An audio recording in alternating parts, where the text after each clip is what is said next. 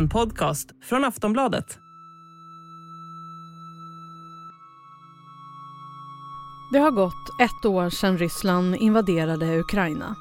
Kriget har nu funnits i Europa i 365 dagar.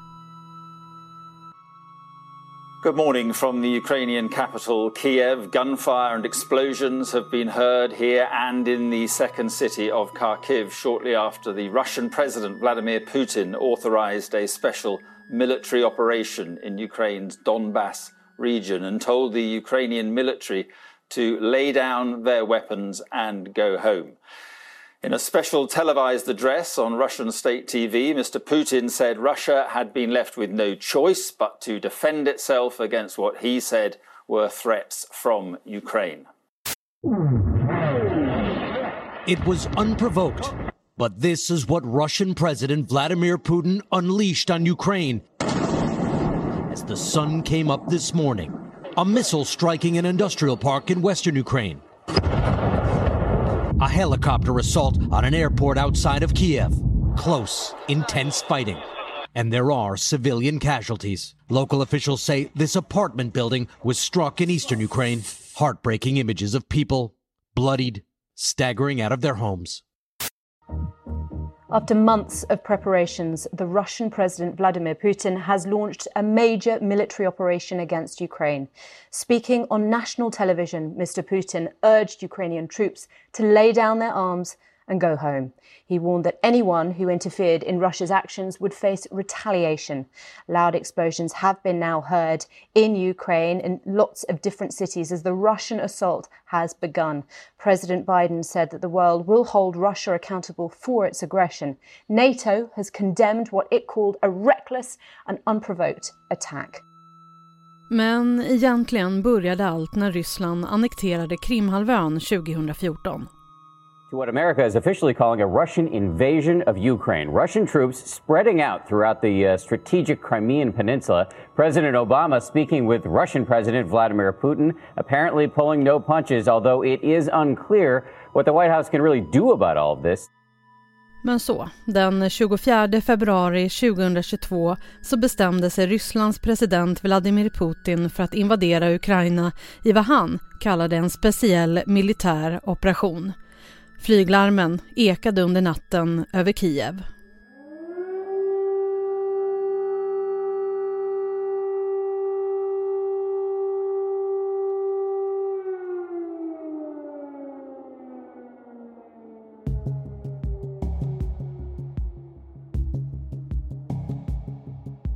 Sen kriget bröt ut så har tusentals dött, både soldater och civila. Miljontals människor har flytt från sina hem och sitt land. Inga män mellan 18 och 60 har heller fått lämna Ukraina vilket har lett till att många familjer har splittrats. Livet för de drabbade är fullständigt förändrat. Det pratades tidigt om att Ukraina bara skulle kunna stå emot en kort tid. Att Rysslands offensiv och övertag skulle vara för mycket för Ukraina. Men det blev inte en helt lätt match för Putins styrkor att ta över. Nu har Ukraina, med stor hjälp från väst, stått emot i ett år. Och Ukrainas president Volodymyr Zelensky visade direkt att han inte skulle lämna sitt folk. Trots erbjudanden om hjälp ut ur landet så stannade han kvar. Kriget har också förändrat och påverkat omvärlden med stigande inflation, höjda priser på el, drivmedel och mat. Men självklart är det allra värst för folket i Ukraina. Kommer kriget någonsin ta slut? I det här avsnittet av Daily så ser vi tillbaka på det här året med kriget. Vi kommer gästas av några av våra mest frekventa gäster. Nivette Dawood, Wolfgang Hansson, Joakim Paasikivi och Emily Svensson som alla kommer ge sin bild av året då kriget kom till Europa.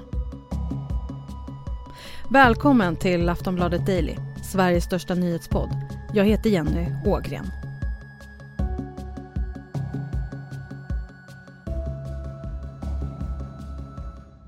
Ja, vi vaknade upp till rapporterna om att kriget hade brutit ut för ett år sedan. Och vi var nog många som fick en klump i magen och en växande oro inför vad som skulle hända. När kriget bröt ut så ringde jag upp vår utrikespolitiska kommentator Wolfgang Hansson som sa så här då. Ja, jag blev väckt av nyhetschefen på desken på Aftonbladet som berättade om detta klockan fem i morse. Eh, och det var väl en, en blandning av chock men samtidigt kom det inte som en överraskning precis eftersom de senaste dagarna har ju alla tecken pekat åt fel håll, det vill säga mot att Putin verkligen skulle göra allvar av sitt hot att eh, invadera Ukraina. Och nu, ett år senare, hur tänker Wolfgang om krigsutbrottet? Ja, det var ju ändå en chock eh, när man vaknade på morgonen av, till de här nyheterna. För på något sätt så eh, som svensk tror jag och kanske som, som medborgare överhuvudtaget så tror man ju att eh, rationella tänkandet till slut ändå ska vinna över eh, stormaktsfasoner eller drömmar, imperiedrömmar eller vad det nu kan vara. Eh, så därför så blev jag ju ändå förvånad över eh, att Putin valde att ta det här steget. Eh, som ju kändes som att det här var ju någonting som Ryssland själva skulle förlora väldigt mycket på. Varför startade han kriget då? Alltså jag är övertygad om att själva grunden till det ligger i hans eh, vilja att återskapa det sovjetiska imperiet. Han, han vill att Ryssland ska bli en stormakt igen och då behöver han de här randstaterna som var en del av Sovjetunionen eh, för att liksom lyckas med det målet. Han vill ha en rysk intressesfär som väst ska acceptera och han vill bygga upp den ryska eh, militärkapaciteten och ekonomin till att vara en, en, en stormakt i världen, en supermakt precis som USA. Ganska snabbt efter att kriget bröt ut så började folket i Ukraina att lämna landet. Många av dem tog sig till Polen för att komma undan kriget. Men män mellan 18 och 60 måste stanna kvar i landet för att kunna sättas ut i strid. Och flera svenskar som bor i Ukraina har också lämnat landet. En av dem var Magnus som bodde med sin fru och hennes son i Odessa. De bestämde sig för att ta sig till Sverige och så här berättade Magnus i Daily förra året om flykten. Men vi startar på måndag förmiddag, jag, frun och hennes son.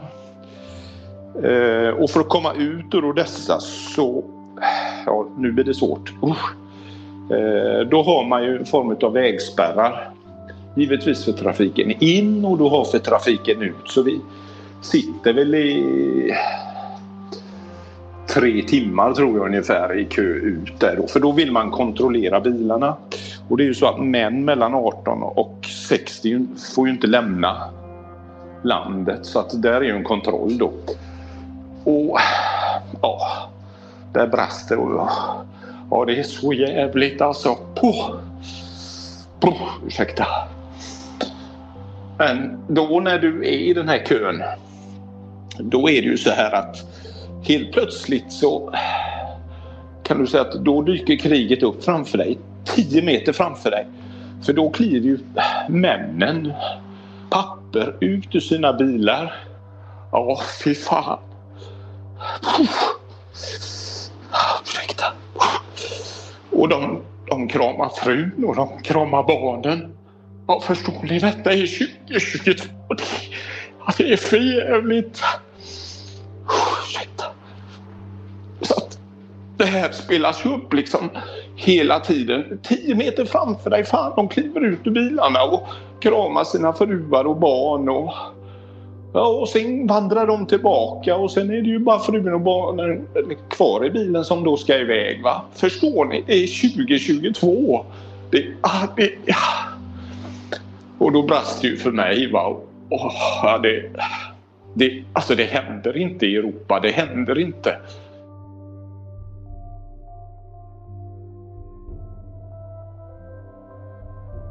I början av kriget så fick vi ständiga rapporter om allt som hände. All världens media bevakade och många fanns även på plats i Ukraina för att rapportera. Aftonbladet skickade bland annat dit vårt team Nivetta Wood och Jerker Ivarsson. Hur gick Nivets tankar när kriget bröt ut? Ja, men jag eh, väcktes på morgonen, eh, som kanske många andra också, eh, men av att en nyhetschef eh, ringde och frågade om jag kunde åka. Lite oklart var faktiskt, det var mer så här, kan du packa snabbt och dra? Vi flög, jag och eh, fotograf Jerker Ivarsson till Polen och bestämde oss eh, i ett första läge för att eh, köra så långt vi kunde till gränsen mot Ukraina. Men allt, hela den här dagen präglades ju av en chock och en skräck och den känslan delade jag säkerligen med, med väldigt många andra, både här i Sverige och, och definitivt i Ukraina förstås. Det var liksom svårt att, att greppa att, att det var krig i Europa. Man kan ju tänka då att ju närmare vi kom att man förstod det mer och mer, men det var nästan tvärtom. När vi var i sydöstra Polen och, och började se eh, ukrainsk registrerade bilar komma in med kvinnor och barn så kändes det nästan än mer ofattbart fastän det var så himla nära. Hur var det då att komma in i Ukraina?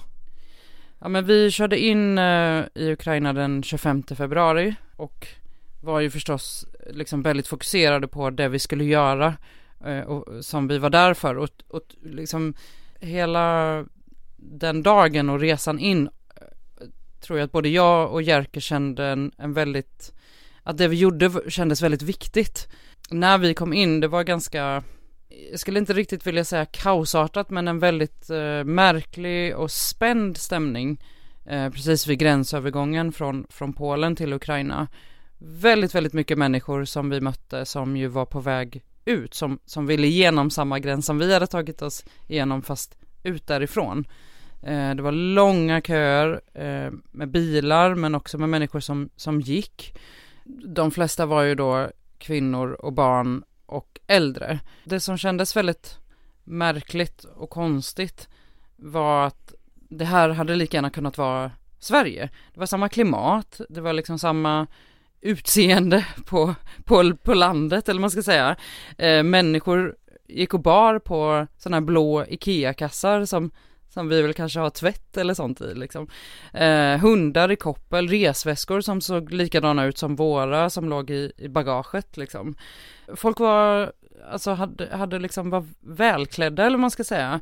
Eh, det var inte så att, att människor eh, var i behov av mat eller dryck utan det hade de kunnat packa med sig även om de hade packat snabbt och det skiljer ju sig lite åt också från eh, de krig som jag har, har rest till tidigare och teamet i Ukraina träffade bland annat Roman och Oksana som berättade om sina tankar om kriget och framtiden. What do you hope for the future? Uh, growing our country as independent country, of course, because we are part of all Europe, but we have a big history for Ukraine uh, as an independent and strong, strong people, strong nation, and uh, we don't want uh, to be a part something uh, like a Pridnestrovia. We want to be independent uh, without Russian because we have our tradition, we have our people, we have our language actually. I'm proud of our Ukrainian army and uh, thank you very much um, all the world for um, help. Ukraine needs help from all over the world and um, uh, I think that um, mm, we will uh, we will win in this struggle, and um, mm, Ukrainian people are brave and um, mm, will help uh, our uh, president.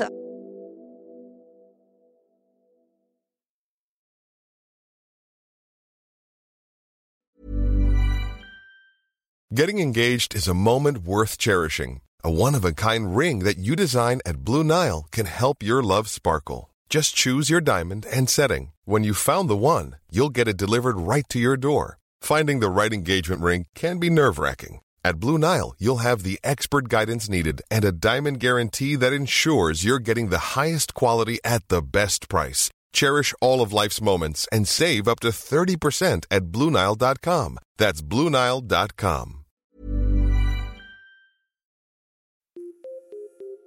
Att som vanlig människa förstå vad som händer i kriget och följa utvecklingen har inte varit helt lätt alla gånger.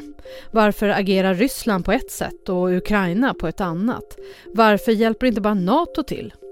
Joakim Paasikivi, överstelöjtnant och strategilärare vid Försvarshögskolan har varit gäst hos oss på Daily flera gånger det senaste året. Han har kunnat förklara och berätta vad som sker i kriget. Och så här säger han om sina tankar när kriget bröt ut. Det var en tråkig bekräftelse på vad jag hade trott. Det var sådär att, att eh, ja, men intellektuellt så tydde allting på att det skulle bli en invasion men, men att det faktiskt blev det. Det tog rätt hårt naturligtvis ur ett mänskligt perspektiv. Eh, och se, nu gör de det. Det är helt galet. Hur skulle du sammanfatta de här månaderna? Att eh, ingen av de strategiska överväganden som Ryssland har gjort har gått deras väg. Alltså allting har gått 180 grader fel. Det skulle gå fort, det gjorde det inte. Det skulle gå enkelt, det har det definitivt inte gjort. Eh, de rysktalande i Ukraina skulle hälsa dem som befriare. Eh, det är precis tvärtom. Och så vidare och så vidare. Eh, man trodde från rysk sida att man skulle bli en stor världsaktör och återta sin, sin forna makt och kunna diktera villkoren för grannländerna, inklusive Sverige, Finland och NATO. Det har gått fel, allting. Och så har det blivit ett tragiskt krig. Mm, det är precis som du säger, så här, många trodde kanske att Ryssland bara skulle kliva in och ta över. Är kriget ett ryskt misslyckande? Ja, det är det. Eh, otvetydigt ett ryskt misslyckande. Jag tror att de trodde att de kunde göra Tjeckoslovakien 1968, det vill säga att maktövertagande som, som kräver ja, kanske några hundra människoliv. Eh, men det här har ju blivit någonting som kör Ryssland i botten eh, och, och hotar världsfreden liksom, i stort. Det, det är riktigt, riktigt obehagligt. Omvärlden, framförallt västvärlden, var snabb med att ställa sig på Ukrainas sida i kriget och fördöma Ryssland och Putins agerande. Även om Putin inte varit den mest populära ledaren så har ändå bilden av honom förändrats rejält under det här året. Vi hör Wolfgang Hansson igen. Alltså tidigare så var han ändå på något sätt, även om han var fruktad så var han ändå, tror jag, respekterad och han hade ju ändå eh, visat att han var skicklig i många sammanhang och han, han liksom eh, visade att han vågade ta itu med folk på hemmaplan som inte skötte sina jobb och så vidare. Men när kriget bröt ut och det talet han höll då och en del av de talen han har hållit efter det, då har det ju framstått lite mer som att gud, är den här mannen galen? Vad, vad har hänt? Har han fått en knäpp under pandemin som har gjort att han har plötsligt blivit så här eller, eller vad är det? Det känns som att det delvis är en annan person.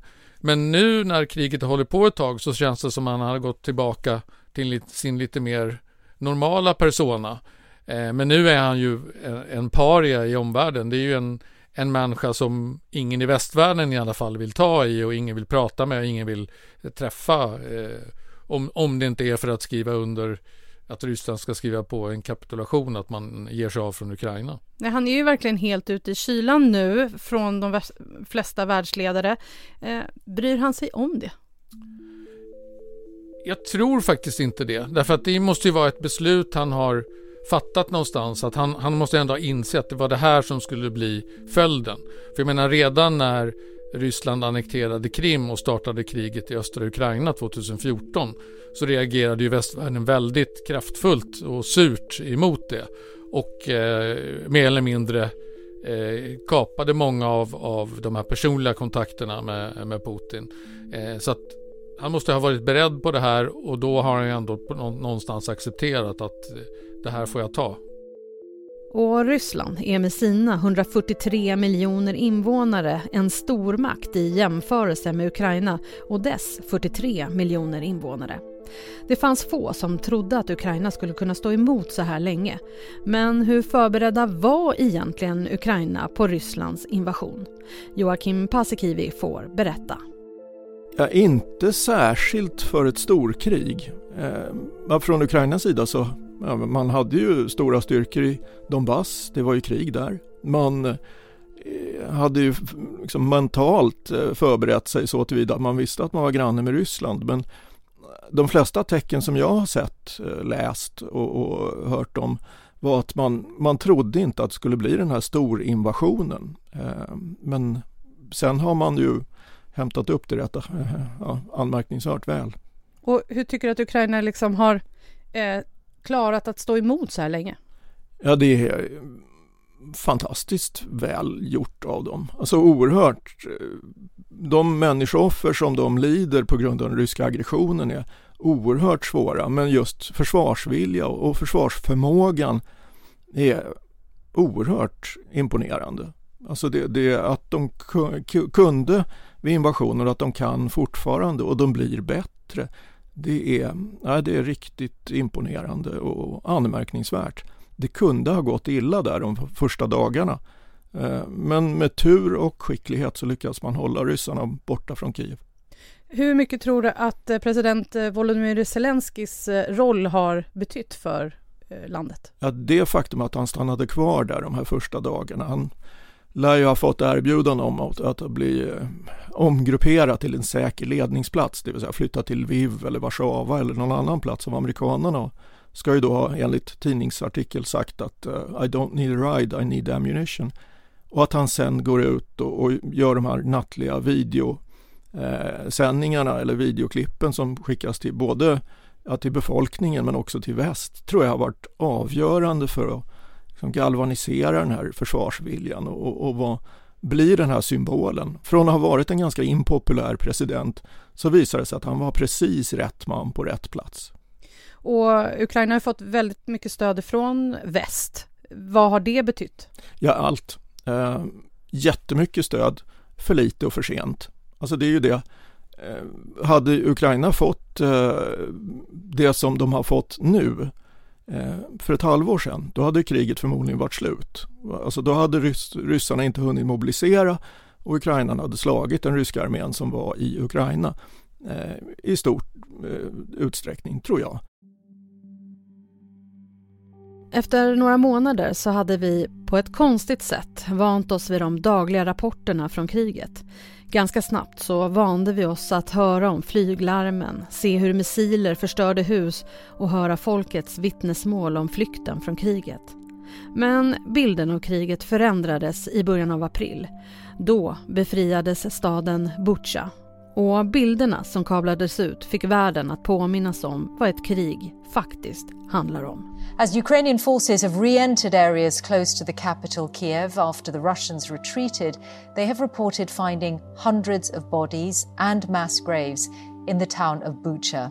It is here and in the surrounding areas that the BBC has filmed bodies of civilians in the streets, some with their hands and feet bound, who had been shot. Russia says images of civilian killings are fake. Hundratals kroppar hittades i samhället som varit ockuperat av ryska styrkor sedan starten på kriget. På gatorna och i massgravar hittades många döda, civila som låg bredvid sina cyklar, några fortfarande med matkassar i sina händer. Folkmordet i Butja fick världen att stanna upp ännu en gång. What exactly happened here in Bucha, a few miles from the capital, Kiev. Ukrainian forces carefully picked their way through the wreckage as the Russians left and regrouped to the east. Is this evidence that could amount to war crimes? Several bodies litter the street. Civilians, apparently military targets, left where they fell, who knows how long ago.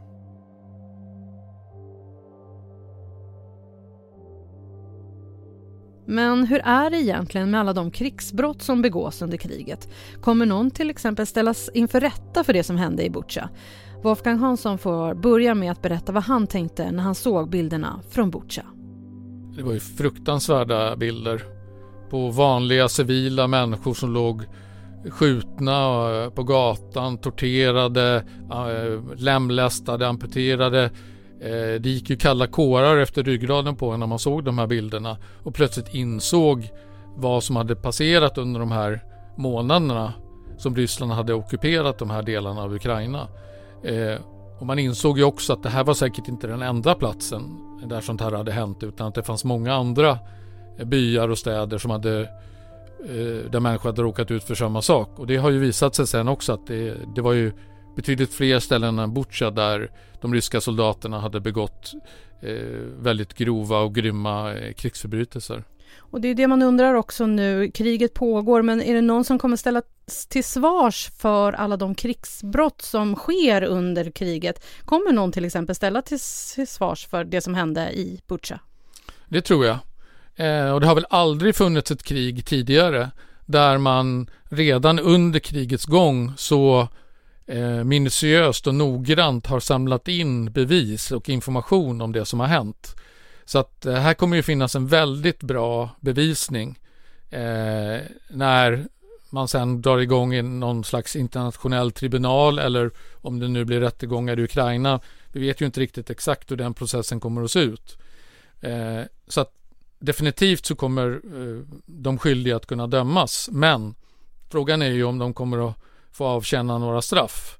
Därför att eh, Ryssland kommer ju inte utvisa eller utlämna ryska soldater som har begått eh, övergrepp. Man kommer inte utlämna Vladimir Putin till eh, internationella brottmålsdomstolen i Haag. Eh, och det är ju väldigt osäkert om man så att säga kan gå in och, och fysiskt och, och, plocka ut de här personerna eh, för att sen tvinga dem avtjäna sina straff.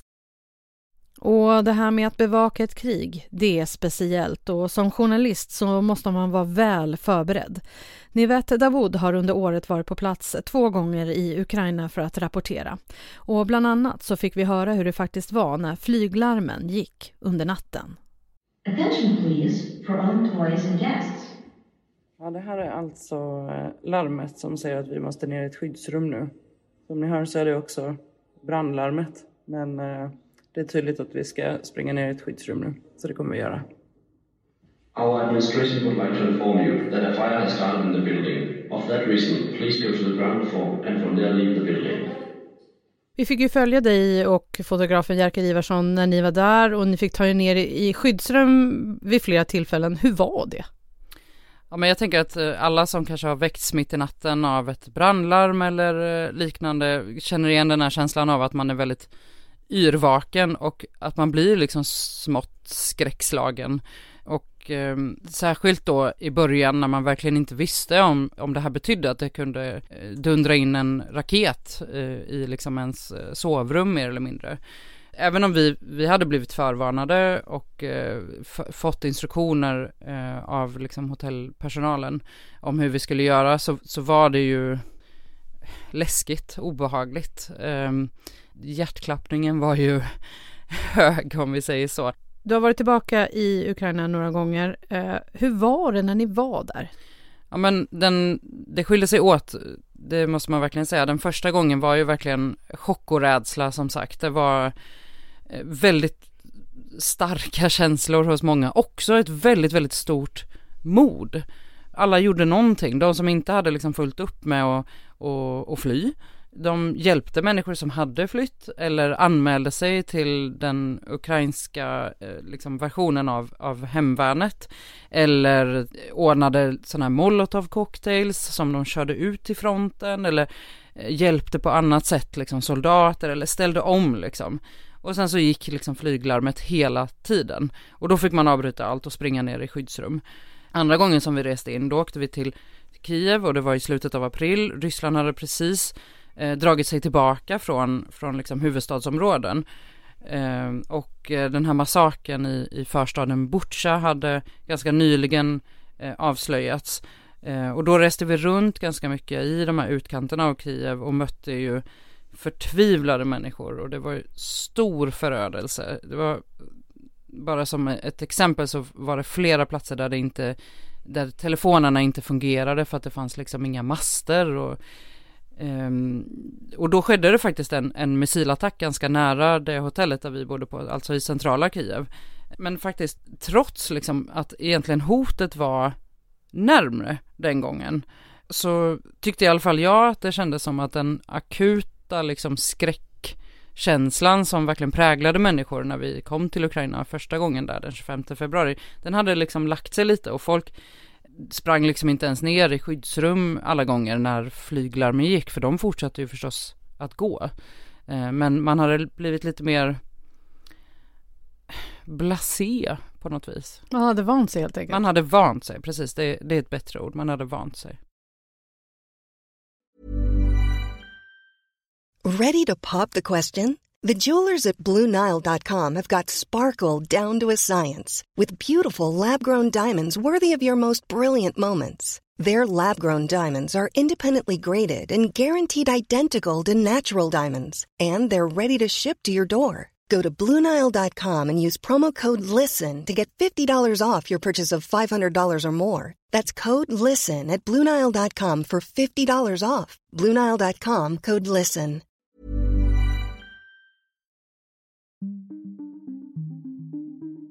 Ja, rapporterna från kriget har varit många. Vi har hört hur experter berättar om de ryska och ukrainska strategierna, vilka styrkor och svagheter det finns på båda sidor och också vilka det är som verkar vinna just i stunden. Men hur har Ryssland agerat i själva kriget? Vi hör Joakim Paasikivi igen.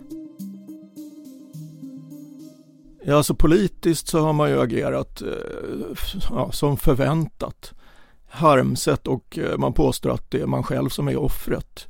Eh, strategiskt har man agerat på ett sådant sätt att man försöker bilda eh, koalitioner eller allianser med andra men det är faktiskt ingen annan som hjälper dem i någon större utsträckning. Och militärt så visar det sig att det var en, ett eh, luftslott, en Pachonkin-kuliss där man inte var förberedd, man kunde inte eh, ja, kriga, eh, logistik, leda Alltså man var inte tillräckligt bra. Eh, och det man har är artilleri och människor och man förbrukar båda i en eh, väldigt obehagligt eh, takt. Hur ser det ut med förluster på båda sidor? Ja, vi vet inga siffror, men de är stora. De är förmodligen större på den ryska sidan och, och framförallt i proportionerna stupade och skadade mycket miss, ska vi säga, missgynnar ryssarna. Alltså de har en sämre sjukvård så det är fler skadade ryssar som dör än det är skadade ukrainare som dör. Men det är många som stupar på båda sidorna. Eh, men också fler ryssar som stupar därför att man från rysk sida är okänslig för egna förluster. Alltså man förbrukar människor som, ja, som, som en, på samma sätt som ammunition och annat.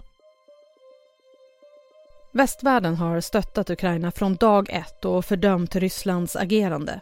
Många länder har också stöttat med olika typer av vapen och annat stöd. Och Ukraina har varit i stort behov av stödet från väst. Hur har västvärlden hanterat kriget egentligen? Vi hör Wolfgang Hansson igen. Alltså om man tittar på hur man har reagerat på den ryska invasionen så har man ju ändå liksom gjort det på ett eh, enat sätt. Man har liksom varit väldigt mån om att eh, uppträda med en enad front mot Ryssland och det har man lyckats med till väldigt stor del. Eh, det har varit rätt välavvägda beslut tycker jag där man har redan från start införde kraftiga sanktioner som man sen har trappat upp efterhand som Ryssland har fortsatt kriget och vägrat eh, lämna Ukraina. Eh, och man har också eh, kunnat hantera mycket av de här effekterna som kriget har gett som energikriserna. När Putin an använt energivapnet så har man snabbt försökt att ställa om och importera eh, gas från andra håll istället. Och tack vare en mild vinter också då lyckats vrida det här energivapnet ur händerna på, på Putin. Eh, samtidigt som man då har lyckats stödja Ukraina på ett bra sätt med, där man successivt har trappat upp de vapen som man är till Ukraina eh, och också gett en väldigt stor del ekonomiskt stöd.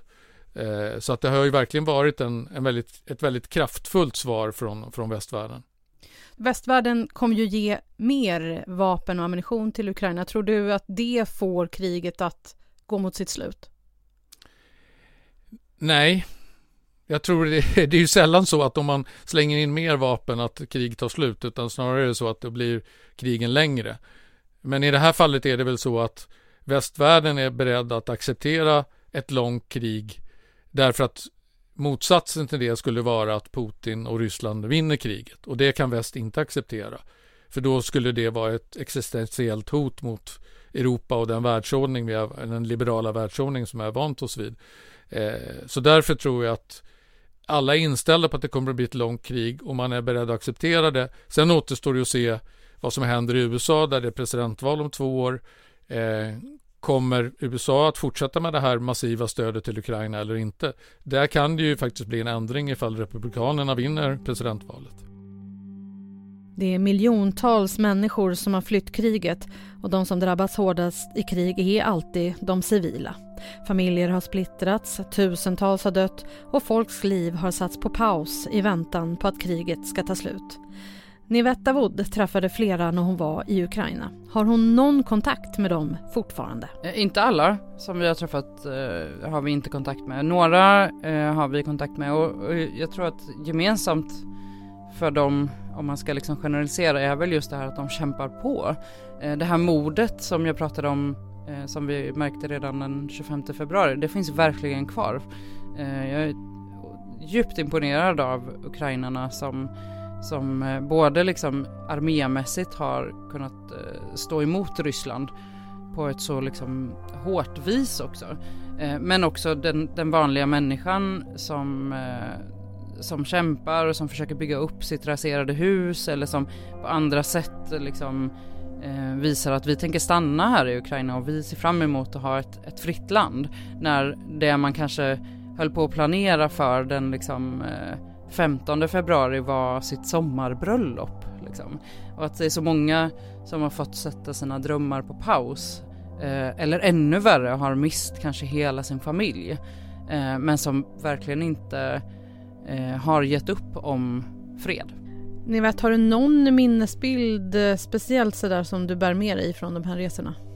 Det här eh, nyförälskade paret som satt på Majdantorget i centrala Kiev och som bara hade några minuter. Ehm, hon var eh, läkare eller sjuksköterska tror jag på barnintensiven och han eh, hade gått med i hemvärnet men eh, och trots att det var kallt väder och det var liksom lite småregnigt så satt de liksom och kysstes som om ja, för att de bara måste liksom. De, var, de hade bara ögon för varandra och vi fick, vi fick störa dem i en liten minut och liksom ta bild och, och prata med dem. Men sen också de fruktansvärda ödena hos eh, en kvinna som hette Tatjana som, eh, som hade letat efter sin eh, mans kvarlevor eh, under ganska många veckor och som, som vi fick följa tillsammans med hennes två små barn när de väldigt snabbt var tvungna att, att begrava honom. Um, och att, att allt gick så himla fort. Uh, barnen hade liksom sina sina små kepsar och, sin, och alla hade liksom sina vanliga kläder. Och så skulle ceremonin gå ganska snabbt. Och sen så var det jordfästning och sen så var det klart. Och sen skulle de eh, sticka från eh, Butja igen för att, för att vara i säkerhet. Och just nu så har Aftonbladet skickat vår reporter Emily Svensson till Kiev.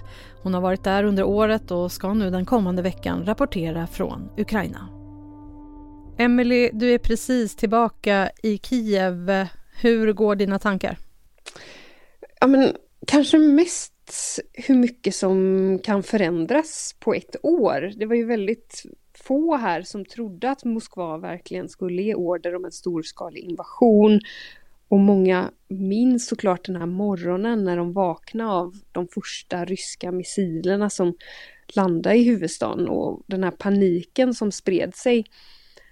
Och sen dess har ingenting varit sig likt egentligen. Eh, varken i Kiev eller hela Europa.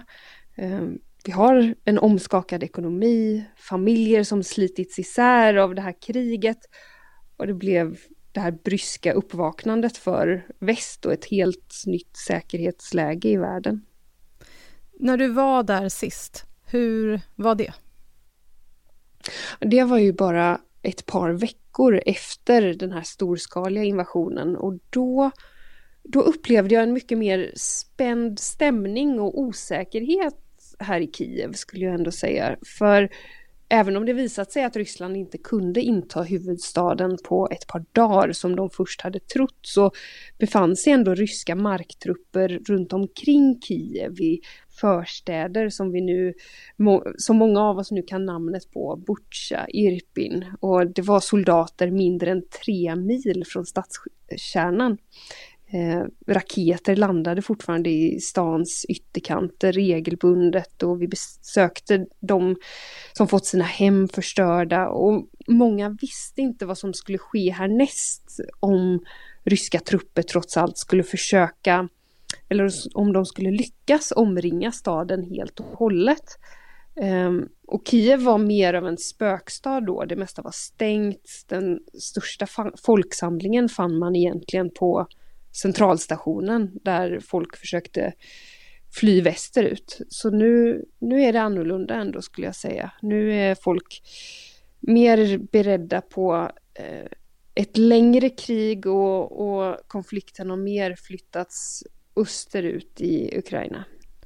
Emelie, nu när vi spelar in det här så har du bara hunnit vara i Kiev i några timmar. Eh, men det lilla du har sett så här långt, hur mycket har förändrats? Jo men det är ändå annorlunda som sagt. Vi har restauranger och butiker är mer öppna och folk försöker leva, leva på som vanligt. Även det är en slags motståndshandling att fortsätta leva sitt liv och gå på barer och jobba på med sitt jobb och fixa i trädgården.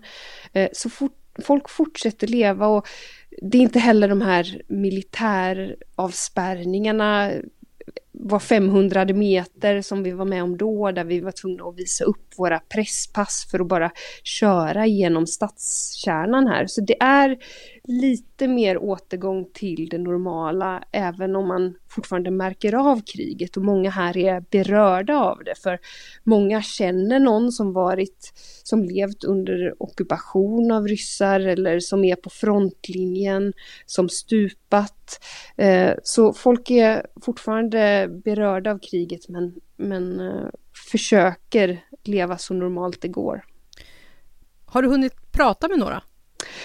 Ja, en del som jag har haft kontakt med under det här året också säger att det har varit ett tufft år eftersom ryssarna har angripit mycket av infrastrukturen, infrastrukturen också. Eh, med värmen avstängd exempelvis eh, en del dagar under vintern och optimismen har liksom pendlat fram och tillbaka. Och de jag har talat med nu, det talas ju om den här våroffensiven från Ryssland och hur den kommer se ut. Eh, och även den här veckan om det kommer ske någon slags symbolisk attack mot flera städer just på årsdagen eh, för att ryssarna vill visa någon slags manifestation om att kriget går framåt. Eh, och det har ju också till och med talats om Ryssland skulle försöka göra något nytt försök att inta Kiev i vår, även om allt mindre talar för det just nu. En del jag talat med har flytt landet sedan jag var här senast och de som, de som är kvar nu, de, de är ändå fast beslutna om att stanna oavsett vad som händer. Um, och en man som jag hunnit tala med här idag, han sa att han var snarare mer orolig för ett långt utdraget krig som pågår i flera år snarare än nästa våroffensiv. Ett år har kriget pågått nu. Ryssland invaderade Krimhalvön redan 2014 och har visat att man klarar av att hålla i en segdragen konflikt. Men vad händer under 2023 när Ukraina får det militära stöd från väst som de efterfrågat under så lång tid? Kan kriget komma att ta slut? Joakim Paasikivi får berätta vad han tror om de närmaste månaderna. Ja, nu tror jag att den ryska, en rysk offensiv har börjat. Den går inte särskilt bra. Och då har de en, en tidslucka på sig på en månad kanske innan det blir riktigt lerigt. Sen när det är lerigt så kommer ingen att göra några större manövrer. Utan då är det fortsatt eh, ja, slakt vid fronten helt enkelt. Och efter det så blir det eh, mer rörlig strid och jag tror att den kommer att vara ner i södra delen av landet. Lite svårt att säga, men jag tror det. Och jag tror att vi kommer att få se någonting som blir ett avgörande i år för hur det kommer bli. Jag tror att Ukraina har goda chanser eh, att tillfoga ryssarna tillräckligt många nederlag för att ryssarna ska tvingas till förhandlingsbordet. Att de ser att det är utsiktslöst. Men det finns också en, en stor möjlighet, inte riktigt lika stor, men en stor möjlighet att det här blir ett riktigt långvarigt krig. Det har gått ett år av kriget nu. Vi ska, det har varit svårt att säga om hur länge det kommer att pågå, men vad, vad tror du? Ja, mitt huvudalternativ är ett avgörande i år. Eh, och blir det inte det, ja då kan det nog bli som mellan 2014 och 2022. Alltså, vi har svårt att se slut på det. Men Wolfgang Hansson tror att kriget blir mer utdraget. Jag tror att det här kommer att bli ett väldigt långvarigt krig och det finns ingenting som tyder på att någon deras sidan är beredd att vika ner sig. Jag menar Ukraina, för dem är det en existentiell kamp för överlevnad. De kommer ju att fortsätta tills de har besegrat ryssarna eller förlorat. Och för ryssarna verkar det vara lite samma sak. Putin vill inte ge upp det här kriget. Han tror fortfarande att han kan vinna det genom att bara fortsätta att nöta på och han tror att väst ska tröttna så småningom. Så att tyvärr så tror jag det här kommer att fortsätta väldigt länge än.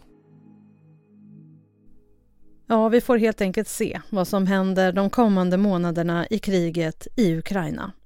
Emily Svensson får berätta vad folket som hon pratat med om de ser ett slut på kriget de som jag har hunnit tala med här idag, de tror trots allt på en lång konflikt, även om man har något slags hopp om att 2023 kan bli slutet för den här konflikten. Eh, bland annat har det ju rapporterats om att båda sidor har ont om ammunition, att det skulle kunna leda till att konflikten, att man måste gå till förhandlingsbordet. Eh, man har också hopp om här att de här materialet eller stridsfordonen från väst, att de ska anlända här inom de närmsta månaderna och att det kan vända kriget till Ukrainas fördel. Men det är svårt att säga exakt hur det kommer fortlöpa här under sommaren och våren. Sist här hörde vi Emily Svensson, reporter på Aftonbladet och på plats i Ukraina just nu. Tidigare hörde vi också Joakim Paasikivi, överstelöjtnant och strategilärare vid Försvarshögskolan. Vi hörde också mina kollegor Wolfgang Hansson, utrikespolitisk kommentator och reporter Nivette Dawood. Jag heter Jenny Ågren och du har lyssnat på Aftonbladet Daily, Sveriges största nyhetspodd. Vill du läsa och höra mer om kriget i Ukraina så hittar du mer på aftonbladet.se. Ta hand om dig så hörs vi snart igen. Hej då!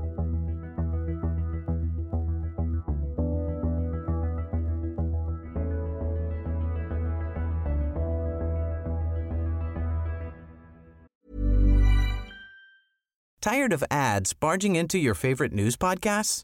Good news. Ad-free listening is available on Amazon Music for all the music plus top podcasts included with your Prime membership. Stay up to date on everything newsworthy by downloading the Amazon Music app for free or go to amazon.com slash news ad free. That's amazon.com slash news ad free to catch up on the latest episodes without the ads. Du har lyssnat på en podcast från Aftonbladet. Ansvarig utgivare är Lena K Samuelsson.